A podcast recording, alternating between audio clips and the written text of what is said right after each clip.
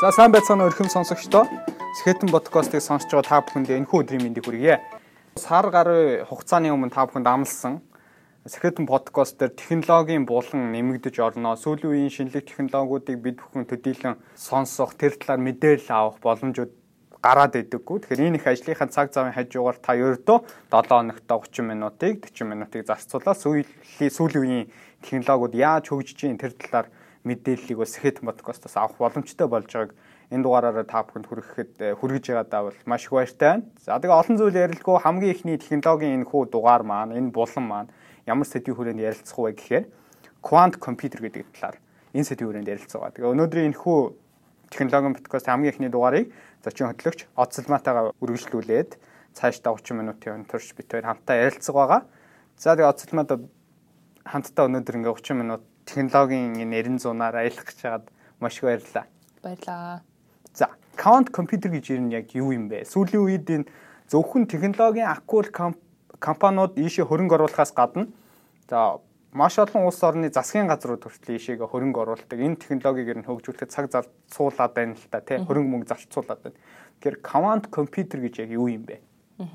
За яг тайлбарлахаас өмнө ер нь ягаад бүтээхэд байгаа гэдэг шалтгаан ойлгох нь зүг баг тий. Тэгэхээр жоохон төсөөлөл шаардсан подкаст болно шүү гэж би нэг хэлсэн дээ. Тэгэхээр за 50-аад 100 жилийн дараах амьдрал ямар байна гэж боддог вэ? За технологийн хөгжил талаас нь.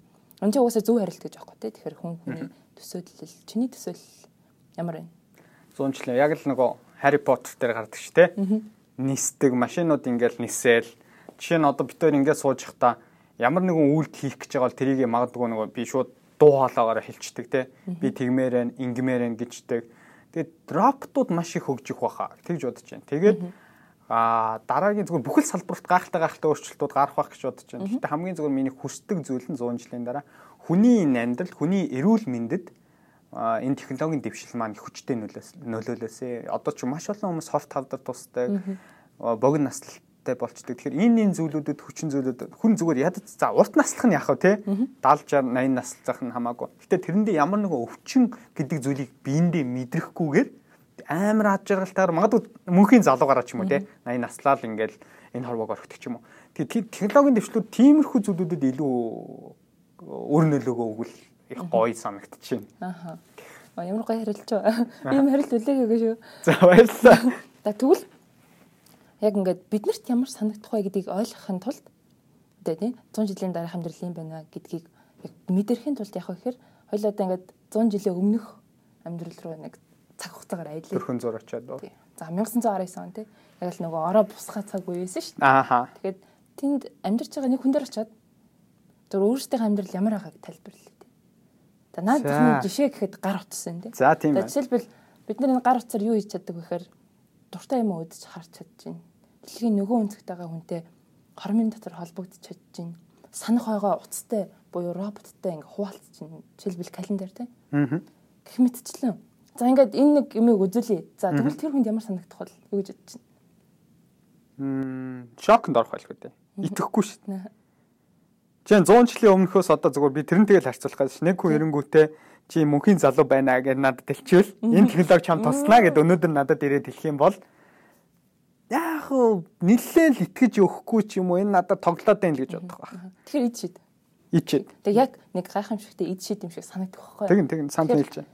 Яг уу яг дараагийн 100 жилийн хугацаанд явагдах технологийн хурд өнгөрсөн 100 жилийн жил болсон технологийн хурдаас мэдээж хэд дахин илүү байх нь тодорхой. Тэгэхээр гайхамшиг байтугай юм бол болохоор ихгүй тий 100 жилийн дотор би нэг ингээ ягаад ингээ яриад байгаа юм бэ гэхээр ягаад технологийн хурд гэж яриад байгаа юм бэ гэхээр технологийн хурд маань өдрөөс өдөрт энэ гарч ирж байгаа шинэ асуудал байна, бодлого байна. Энэ өгөгдлүүдийг одоо тий бодох хамгийн гол нь хурдан боловсруулахад бидний одоогийн хэрэглээд байгаа технологи хангалттай мөн. Хүчин шийдэл сайжирнаа гэдэг маань яг физик утгаараа компьютерийн чипэнд чипэнд байрлах транзисторын тоо нэмэгдэх хэрэгтэй гэсэн үг. За компьютерийн чип маань өөрөө модулуудаас модулууд маань нэмэх үржих зэрэг үйлдэлээ хийдэг logic gates. Тэр маань өөрөө транзистороос бүрддэг байгаа. Транзистор гэдэг маань өөрөө мэдээлэл дамжуулах хамгийн энгийн нэгж буюу мэдээллийг блоклох эсвэл мэдээллийг дамжуулах гэсэн хоёр горимтой байгаа. Ямар төрлийн мэдээлэл гэхээр бидний байнга сонсдог 0 буюу 1. Тэгээд одоогийн транзисторын хэмжээ нь ойролцоогоор 10 нанометрийн 10 нанометр орчим байгаа. 10 нанометр гэж наноч 10-ын хасах 9 зэрэгт метр гэсэн үг шүү дээ. Тэгэхээр өсний нэг хялгасны диаметрээс 7500 дахин бага. Вау. Окей. Тэгэхээр одоо нөгөө нэг муурын хууль шүү дээ тий 2 жил тутамд нэгж талбайд ноогдох транзисторын тоо 2 дахин нэмэгдэнэ гэсэн. Тэгэл тэгвэл нэг хэмжээ нь нэмэгдэнэ гэдэг чинь өөрөө транзистор маань ингээд жижигснэ гэсэн үг тий. Ингээд жижигсээд явсараа явсараа ягаад юм эцтэй лимитэндээ хүрдэг л байхгүй юу тий. Тэгэхээр маш бага хэмжээтэй. За энэ үүнээс хэд дахин 10 100 дахин бага хэмжээтэй транзисторыг бүтээхэд тийм технологиг яг үүндээ одоо байхгүй. За бүтээе гэж утгад маш өндөр зардалтай. Эдийн засаг талаас. Тэгээд тийм их хэмжээний хөрөнгийг гаргая гэхээр тэр зөвхөн хитгэн томоохон компаниуд л одоо тавилах хөрөнгө оруулаад гаргаж хөгжүүлэх боломжтой. Тийм, ер нь л тийм боломжтой. Тэгэхээр энэ асуудлыг яах вэ? Тэгвэл яах юм? Классик компьютерийг тэгээд яванд ашиглахаа болох юм уу? яах юм эсвэл хооронд нэгтгэж байгаа нэг том компьютер болгож ажилтдаг болгуулах юм уу? Ер нь яах юм бэ гэсэн асуудлын асуудлын хариулт нь бол өөрөө квант компьютер байгаа. Хм. Одоо хоёулаа сая ингээд нэг мэдээлэл гэж цугсныг дурдлаа шүү дээ. За бидний одоо классик компьютер гэж яриад байгаа нь бидний өдөр тутамд ашиглаж байгаа ширээний бидний гар дээр байгаа компьютертэй. Энгийн компьютер. За тэгвэл энэ дээр би зүгээр сонсогч нартаа ингээд зүгээр мэдээлэл байдлаар зүгээр энгийн нэг юм хэлээ л тээ. Одоо ер нь мэдээлгээд бид нар өдөр тутамдаа яриад байгаа компьютер дээр хадгалаад байгаа энэ зүйлч болгон ч өөрөө мэдээлэл болчих. Тэгвэл үүнийг илэрхийлэх нэгж нь юу юм бэ гэдэг зүйлийг хоёлаа ингээд э, ярих болчиход байна л та. Тэгэхээр энэ нь өөрөө бит гэдэг нэгч тийм үү? Бит. Тэгэхээр бит гэдэг нэгж нь одоо хамгийн бага одоо мэдээллийг илэрхийлэх хамгийн бага нэгж нь болоод шүү дээ. Гэтэл квант компьютерийн ялгаа нь юу юм бэ гэдгийгүүд кубит гэдэг нэг нэгжтэй болчихдог. Үүгээрээ л хоёулаа хоорондоо ингээ ялгаатай юм шиг надад бол санагдаад байгаа. Тэгэхээр нэгж нь өөрчлөгдөж гин гэдэг маань яг чиний хэлээд байгаа шиг одоо бидний ингээ транзистор маань ингээ улам ингээ жижиг болоод байна. Үүнийг дахиж ингээ тэр хэмжээний хүмүүсийн хэрэгцээнд тааруулж үйлдвэрлэхэд өөрөө маш их хэмжээний өртөг шаардаад байна гэдэгтээ ингээ уйлдаж ингээ наалдаж ингээ очих гэдэг шүү. Тэгвэл кубит гэдэг энэ нэгжийн тусламжтайгаар яг тэр хүмүүсийн хүсэж байгаа шиг энэ технологиг дагаад хөгжиж байгаа шиг тэр хүмүүс яг хүссэн хэмжээний дата өгөгдлөө оруулаад хүссэн хэмжээний их үр дүнгээ авах боломжийг quant компьютер маань олгоно гэж би бол ойлгоод байна. Аа. Тийм зөв зөв. Энэ бол мэрэгжлийн бос хүний нүдээр харахад одоо ерөнхийдөө тэгж барагцааж бол ойлгож болохоор байна тийм үү. Одоо тэгвэл би тэгвэл асууя. За quant компьютер ингээд ороод ирэх гээд байгаа юм байна. Quant компьютер гэдэг чинь одоо дөнгөж хүн болгон ярьж байгаа хөгжих үе шатндаа явж байгаа зүйл болоод байна шүү дээ. Тийм. Тэгвэл үүний давуу тал нь яг юу юм бэ? Сул тал нь яг юу юм бэ? Өнөөдөр хүртэл яг их хөгжүүлэх шатандаа явж байгаа юм чинь маш олон хүмүүсийн асуулт нь энэ байгаа. Аа за. Тэгэхээр чиний хэлсэнчлэн классик компьютер битийг одоо мэдээлэл дүрслэх хамгийн бага нэгж боллон ашигладаг гэж байна шүү дээ. Тэгэхээр бит гэдэг маань за ер нь доосоор ирчээ. Доосын нэг энэ зоосыг ингээд ширээн дээр ингээд тавихаар нэг бол тоо гарна. А нөгөөх ингэ тавил сүлд гарч ин тээ. Аа. Тэгэхээр зөвхөн ингээ хоёр утга байгаа байхгүй. А кубитийн хувьд яадаг вэ гэхээр 0-оос 1-ийн хоорондох бүх утгыг одоо дүрслэх чадвартай болж байгаа. За доосоор дахиад яриа. Сонсож байгаа хүмүүс маань бас төсөөл яваарай. Энийг кубит юу яад жилдэг гэхээр ингээ босоогоор тавьчих. Тэгээ ингээ нисэлчих. За яа амжилтгүй болчихлоо шүү хэдэн утга гарч ийн нэг зэрэг. Одоо яг нөгөө эргүүлж байгаа процесс нь ингээд удаашруулад байгаа. Аа, маш олон утгыг хэлж байна шүү дээ. Тэгэхээр ингээд 0 байгаа юм шиг одоо сүлдэг 0 гэ бодчих л да. Аа. 0-оос явлаа. Нэг рүүгээ. Нэг рүүгээ. Аа. Тэгэхээр эн чинь өөрөө үргэлжилсэн утга байгаа байхгүй юу? Аа, зөв. 0-оос 1-ийн хооронд яваад байгаа ингээд үргэлжилсэн утга болж байгаа. Аа. Тэгэхээр классик компьютер дээр үргэлжилсэн утгыг илэрхийлэхэд бол айгүй олон битийг ашигладаг байхгүй Тэгэхээр тэр олон битийг зөвхөн нэг кубитээр ашигла кубитээр нэгжээр илэрхийлээд байгаа болохоор зөвхөн энэ нэгжийн хувьд ярихаар маш том давуу талтай болж байгаа байхгүй.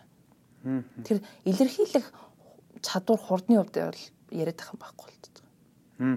Ер нь энэ хэсгийг сонсч хүмүүс ойлгосон байх гэж найдаж байна. Гэтэ ерөнхийдөө хүмүүс одоо сая оцлмагийн яг ярьж байгаа шиг те зоосон дээр яг төсөөлөд ойлгох юм бол илүү одоо хүмүүст буух тийм байдлаар тайлбарлалаа шүү дээ сая те.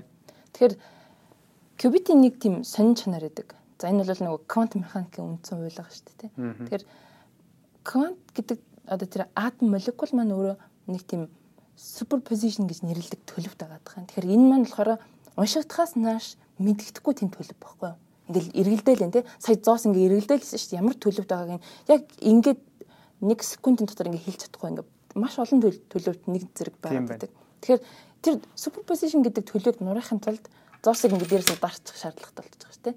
Тэгэхээр 0 юм уу нэг юм уу эсвэл яг ингээ эргэлдэх үед ингээ паузлж зогсооч. Тэг яг зогсооч. Тэгэхээр яг жинхэнэ утга нь гарч ирнэ гэсэн санаа гадгаа супер позишн. Яг энэ позишн болохоор ер нь одоо гэдэг эрдэмтэд юу гэж тайлбарладаг вэ гэхээр ямар жишээ авч тайлбарладаг вэ гэхээр нөгөө Шродингерийн муур гэдэг тийм төсөөлийн туршилтаар тайлбарлал юм билээ. Гэхдээ тэр бол яг анх сонсож байгаа хүмүүст айгүй тийм хэцүү. Яг юу гэсэн үг ингээд нэг тийм э, хэцүү асуулт. Тийм ээ надад зэнтэй. Яг юу вэ гэж асуулт бууж шүү. Тэгэхээр тэр бол тэрнээс илүү энэ зоосоор жишээ авсан арай илүү ойлгомжтой юм шиг санагддаг. Яг тэгэхээр ихэнх одоо нөгөө ном сурах хүчтэйгт юу гэдэг вэ гэхээр нэгэн зэрэг олон төлөвт байх чадвартай гэд бичдэг хөө. Тэгэхээр ойлгохгүй зү юу гэсэн үг юм бэ гэх. Тэгэхээр яг хуу тэгэхээр яг хөө гэхээр нойлоос нэгийн хооронд турших магадлал гэдгээр нь ойлгох нь арай илүү амарх. Аа. Одоо тэгвэл квант компьютер ингээ хөгжөөд гараад ирлээ. Өнөөдрийн байгаа төвчнээс илүү өөр төвшөнд очих байх яриад. Тийм бол бидний хэрэгжилж байгаа энэ энгийн компьютерүүд буюу классик компьютерүүдэд яг юу тохиолдох вэ? Магадгүй энэ хэрэглэнээс гарах юм уу? Квант компьютер хөгжичингүүд энэ хэдийг үйлдвэрлэхэ болчих юм уу? Яг юу болох юм бэ? Аа за. За тэгвэл давуу талаас эхлэе. Хамгийн нэгдүгээр хурд те. Би түрүүн сая зоосоор жишээ авдаг шүү дээ. Тэгэхээр хурдны хувьд бол маш маш илүү нэг дор олон төлөвт байх шин чанараас нь үзэх юм бол одоо бидний хэрэглээд байгаа классик компьютерс их илүү хурдтай. Жишээ аваад ярил л да. 10 битээр 1024 боломж тутахын зөвхөн нэгийг л илэрхийлж чаддаг. Тэр чинь яг 10 ширхэг 0101 гэдэг боломжийн толгоор 1024 а 10 кубитээр 1024 хөлөнгийн 1024 ширхэг утгыг нэг зэрэг илэрхийлж байгаа. Тэгэхээр бодоо хоёулаа 10 10 10 хэмжээтэй тийм. Тэгтэл нэгийг харьцах нь 1024. Тэгээ энэ маань өөр хоёртын зэрэгтэр ингээ өсөд явна гэсэн үг тийм. Аа. Тэгэхээр 11 бит энэ хувьд 11 бит 11 кубитийн хувьд ярих юм бол нэгийг харьцах нь 2048 болчихж байгаа юм. Тэгээ ингээ өсөөл өсөөл яваад байна гэсэн үг. За хоёр дахь ирэхэд тог захиалгааны хувьд хэмнэлттэй гэж үзэж байгаа юм лээ. Яг уу мэдээж ирээдүйд хөгжүүлэгдээд яг ингээ хэрэглээнд гарчингууд гаргахад болвол харьцангуй баг цахилгааны зарцуул нь тэр нь болохоор квант нэл гэдэг нэг тийм зарчмаас нь болж тэгдэг. Жишээл яг ингээд классик механикс яадаг вэ гэхээр аливаа нэг бит нэг саадыг тойроод цаадын нөгөө талд гарахын тулд цаад дээгүүр яваад нөгөө талд гардаг тий. Тэгэхээр тэр энергийг ингээд толгойд ботгосон. Ингээд даваад гарч байна. А квант механикт яадаг вэ гэхээр тийм түнэл үсгээд саадыг ингээд нэвтлээд гарнаа.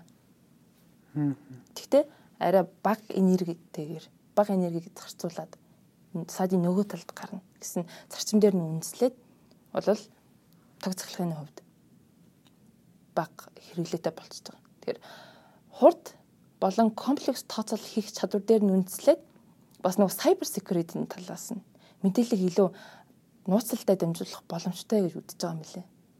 За тэгээд давуу талын хажуугаар бас сул тал ихээ. Квант компьютер нь абсолют тэг утга буюу Цельсийн хасах 273 градуст байрлах шаардлагатай.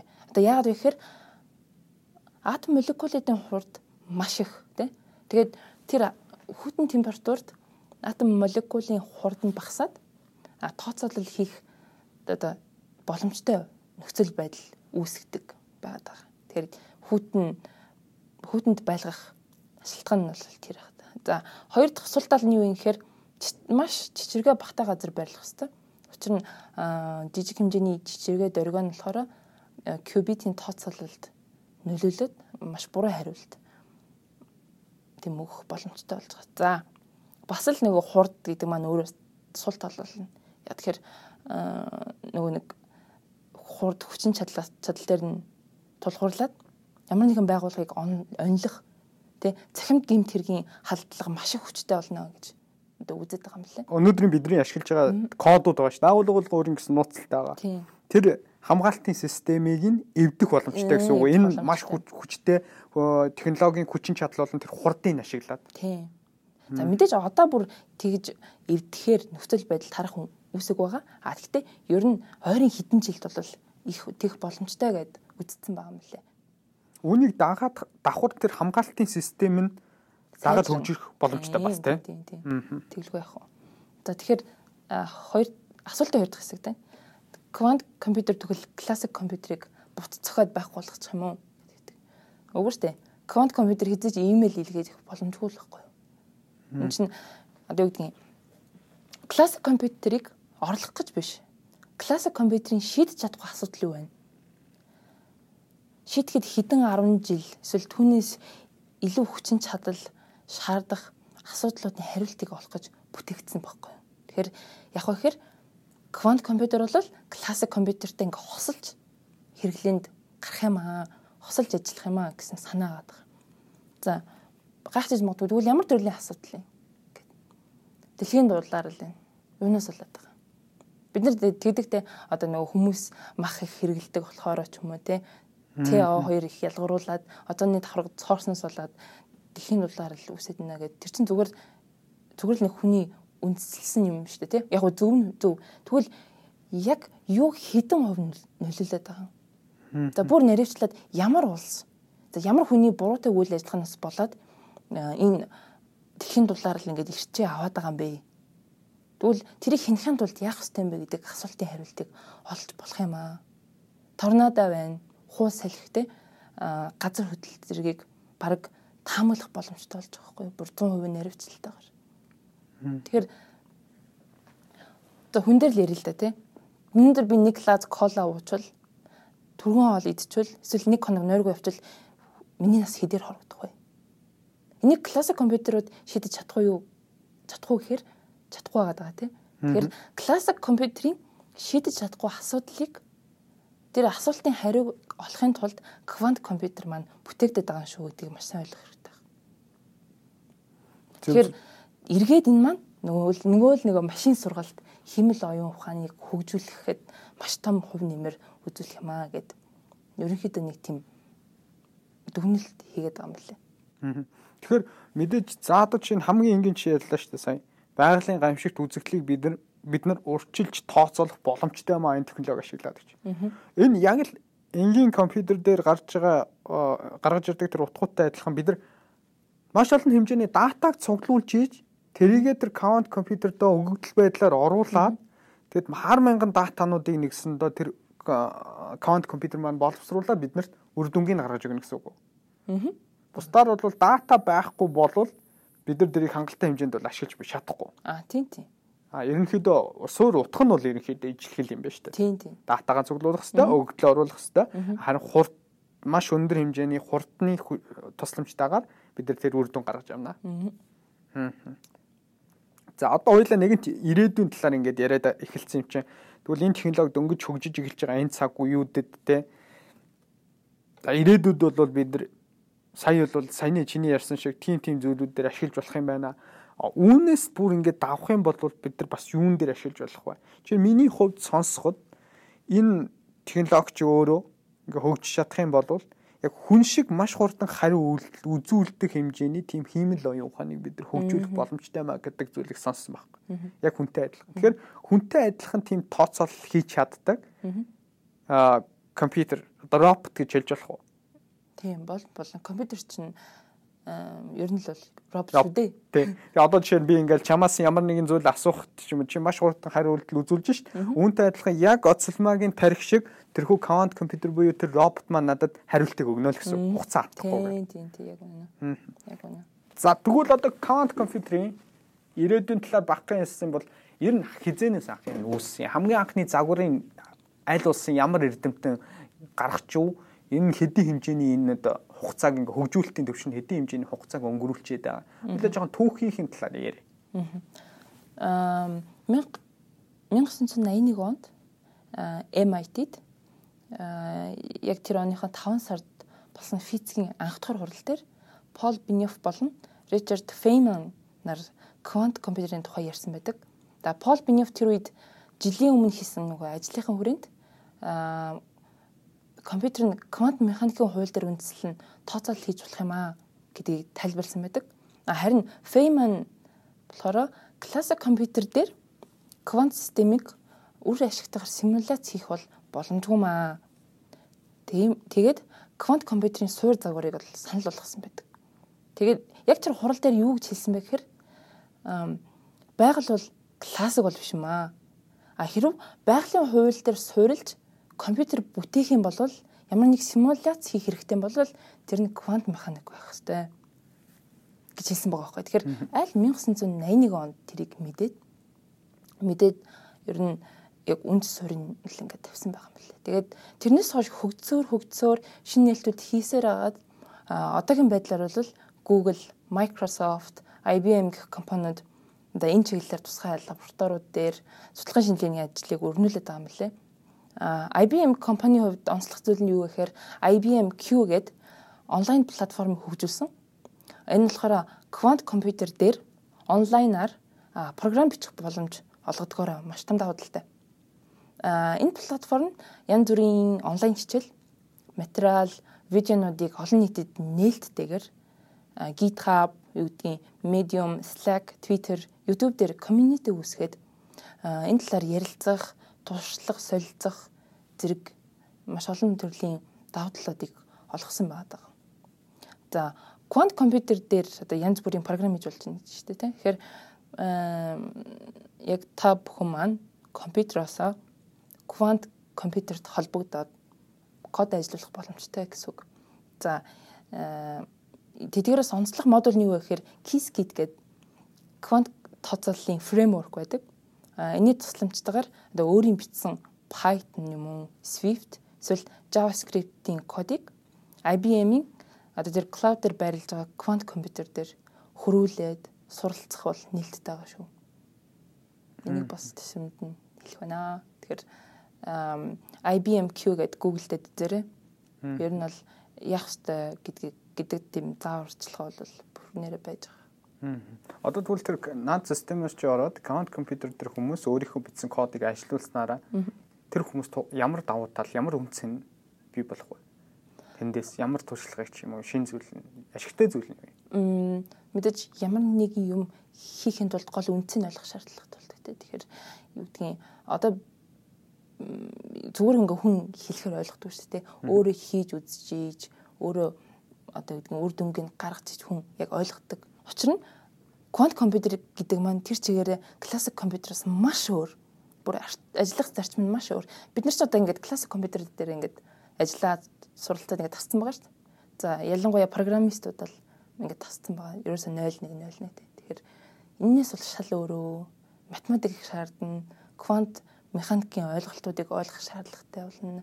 Ямар давуу талтай юм, ямар сул тал нь юу юм гэдгийг өөрөө мэдэх байхгүй. Тэгээд энэгээр цаашлаад яах бэ гэхээр ирээдүйд юу юм мэдэх болохоор болчих жоох тийм илүү суралцаад. Тэгэхээр яг уу тэрэн дээр суралцсанаар мэдээж дэлхийн нийтдээ хөл нийлүүлэх боломж олгох чинь гэж би бол хараад байгаа. Аа. За өнөөдрийн дугаараараа та бүхэн quantum computer гэдэг энэ хөгжиж байгаа, яг энэ хөгжлийнхөө шатанд явж байгаа энэ ойлголтыг багахан хэмжээний мэдлэгийг товчхон хүрхийг хичээлээ бид хоёр тэг мэдээж та бүхэн судалж байгаа магадгүй мэрэгжлийн хүмүүс энийг сонсож байгаа бол илүү гүнзгийрүүлж үнийг судлаасай гэж хүсэж байна. Бид хоёроос ч илүү зүйлийг бас маш олон хүмүүс мэдж байгаа. Тийм бодвол бусдаагаа хаваалцаараа яг энэ подкастыг сонсчоод сэтгэлээ эрүүлээрээ тэг өөрийнхөө мэддэг эндээ судалсан ч гэдэг юм уу энэ дээр ажиллаж үтсэн тиймэрхүү зүйлүүд байх юм бол бид хүнтэй оцлмоо олон тайвнаа бит хоёртой бол үргэлж нээлттэй хуваалцж байгаарай гэж хүсэж байна. Тэгээд энэ удаагийнхаа технологийн подкаст хамгийн ихний дугаарыг та бүхэндээ Quant Computer гэдэг сэдвийн хүрээнд хүргэлээ. Тэгээд ерөнхийдөө маш хурдтай энэ алгоритмыг хурдтай одоо тооцоолох. Тийм л шинжлэх ухааны нэг том дэвшил гэж бол харж байна. Тэгээд иймэрхүү дэвшлүүдэд манай Монгол одоо залуучуудад бол цаг нийлүүлж алхаж ажиллахгүй маа гэхэд бас мэдээллийг авч ойлголтыг авч түүнд өөрсдөө бэлдэх хэрэгтэй бах та хоошо суулгах технологиос. Дахиад суралцах шинэ юм гараад ирж байгаа хэрэг. Дахиад нэг шинэ тий. Э, за миний хувьдсан өнөөдөр оцолмоогоос шинэ ойлголтыг авлаа. Count компьютерийн талаар миний хувьд төдийлөн мэддгүү байсан бол өнөөдөр бас өөртөө нэг шинэ зүйлийг авлаа. За ингээ баярлалаа бидний урилгыг хүлээж авч хамтдаа энэ одоо зочиотлогчоор оролцож хамгийн ихний дугаарыг салхин хагасна маш баярлалаа. Баярлалаа.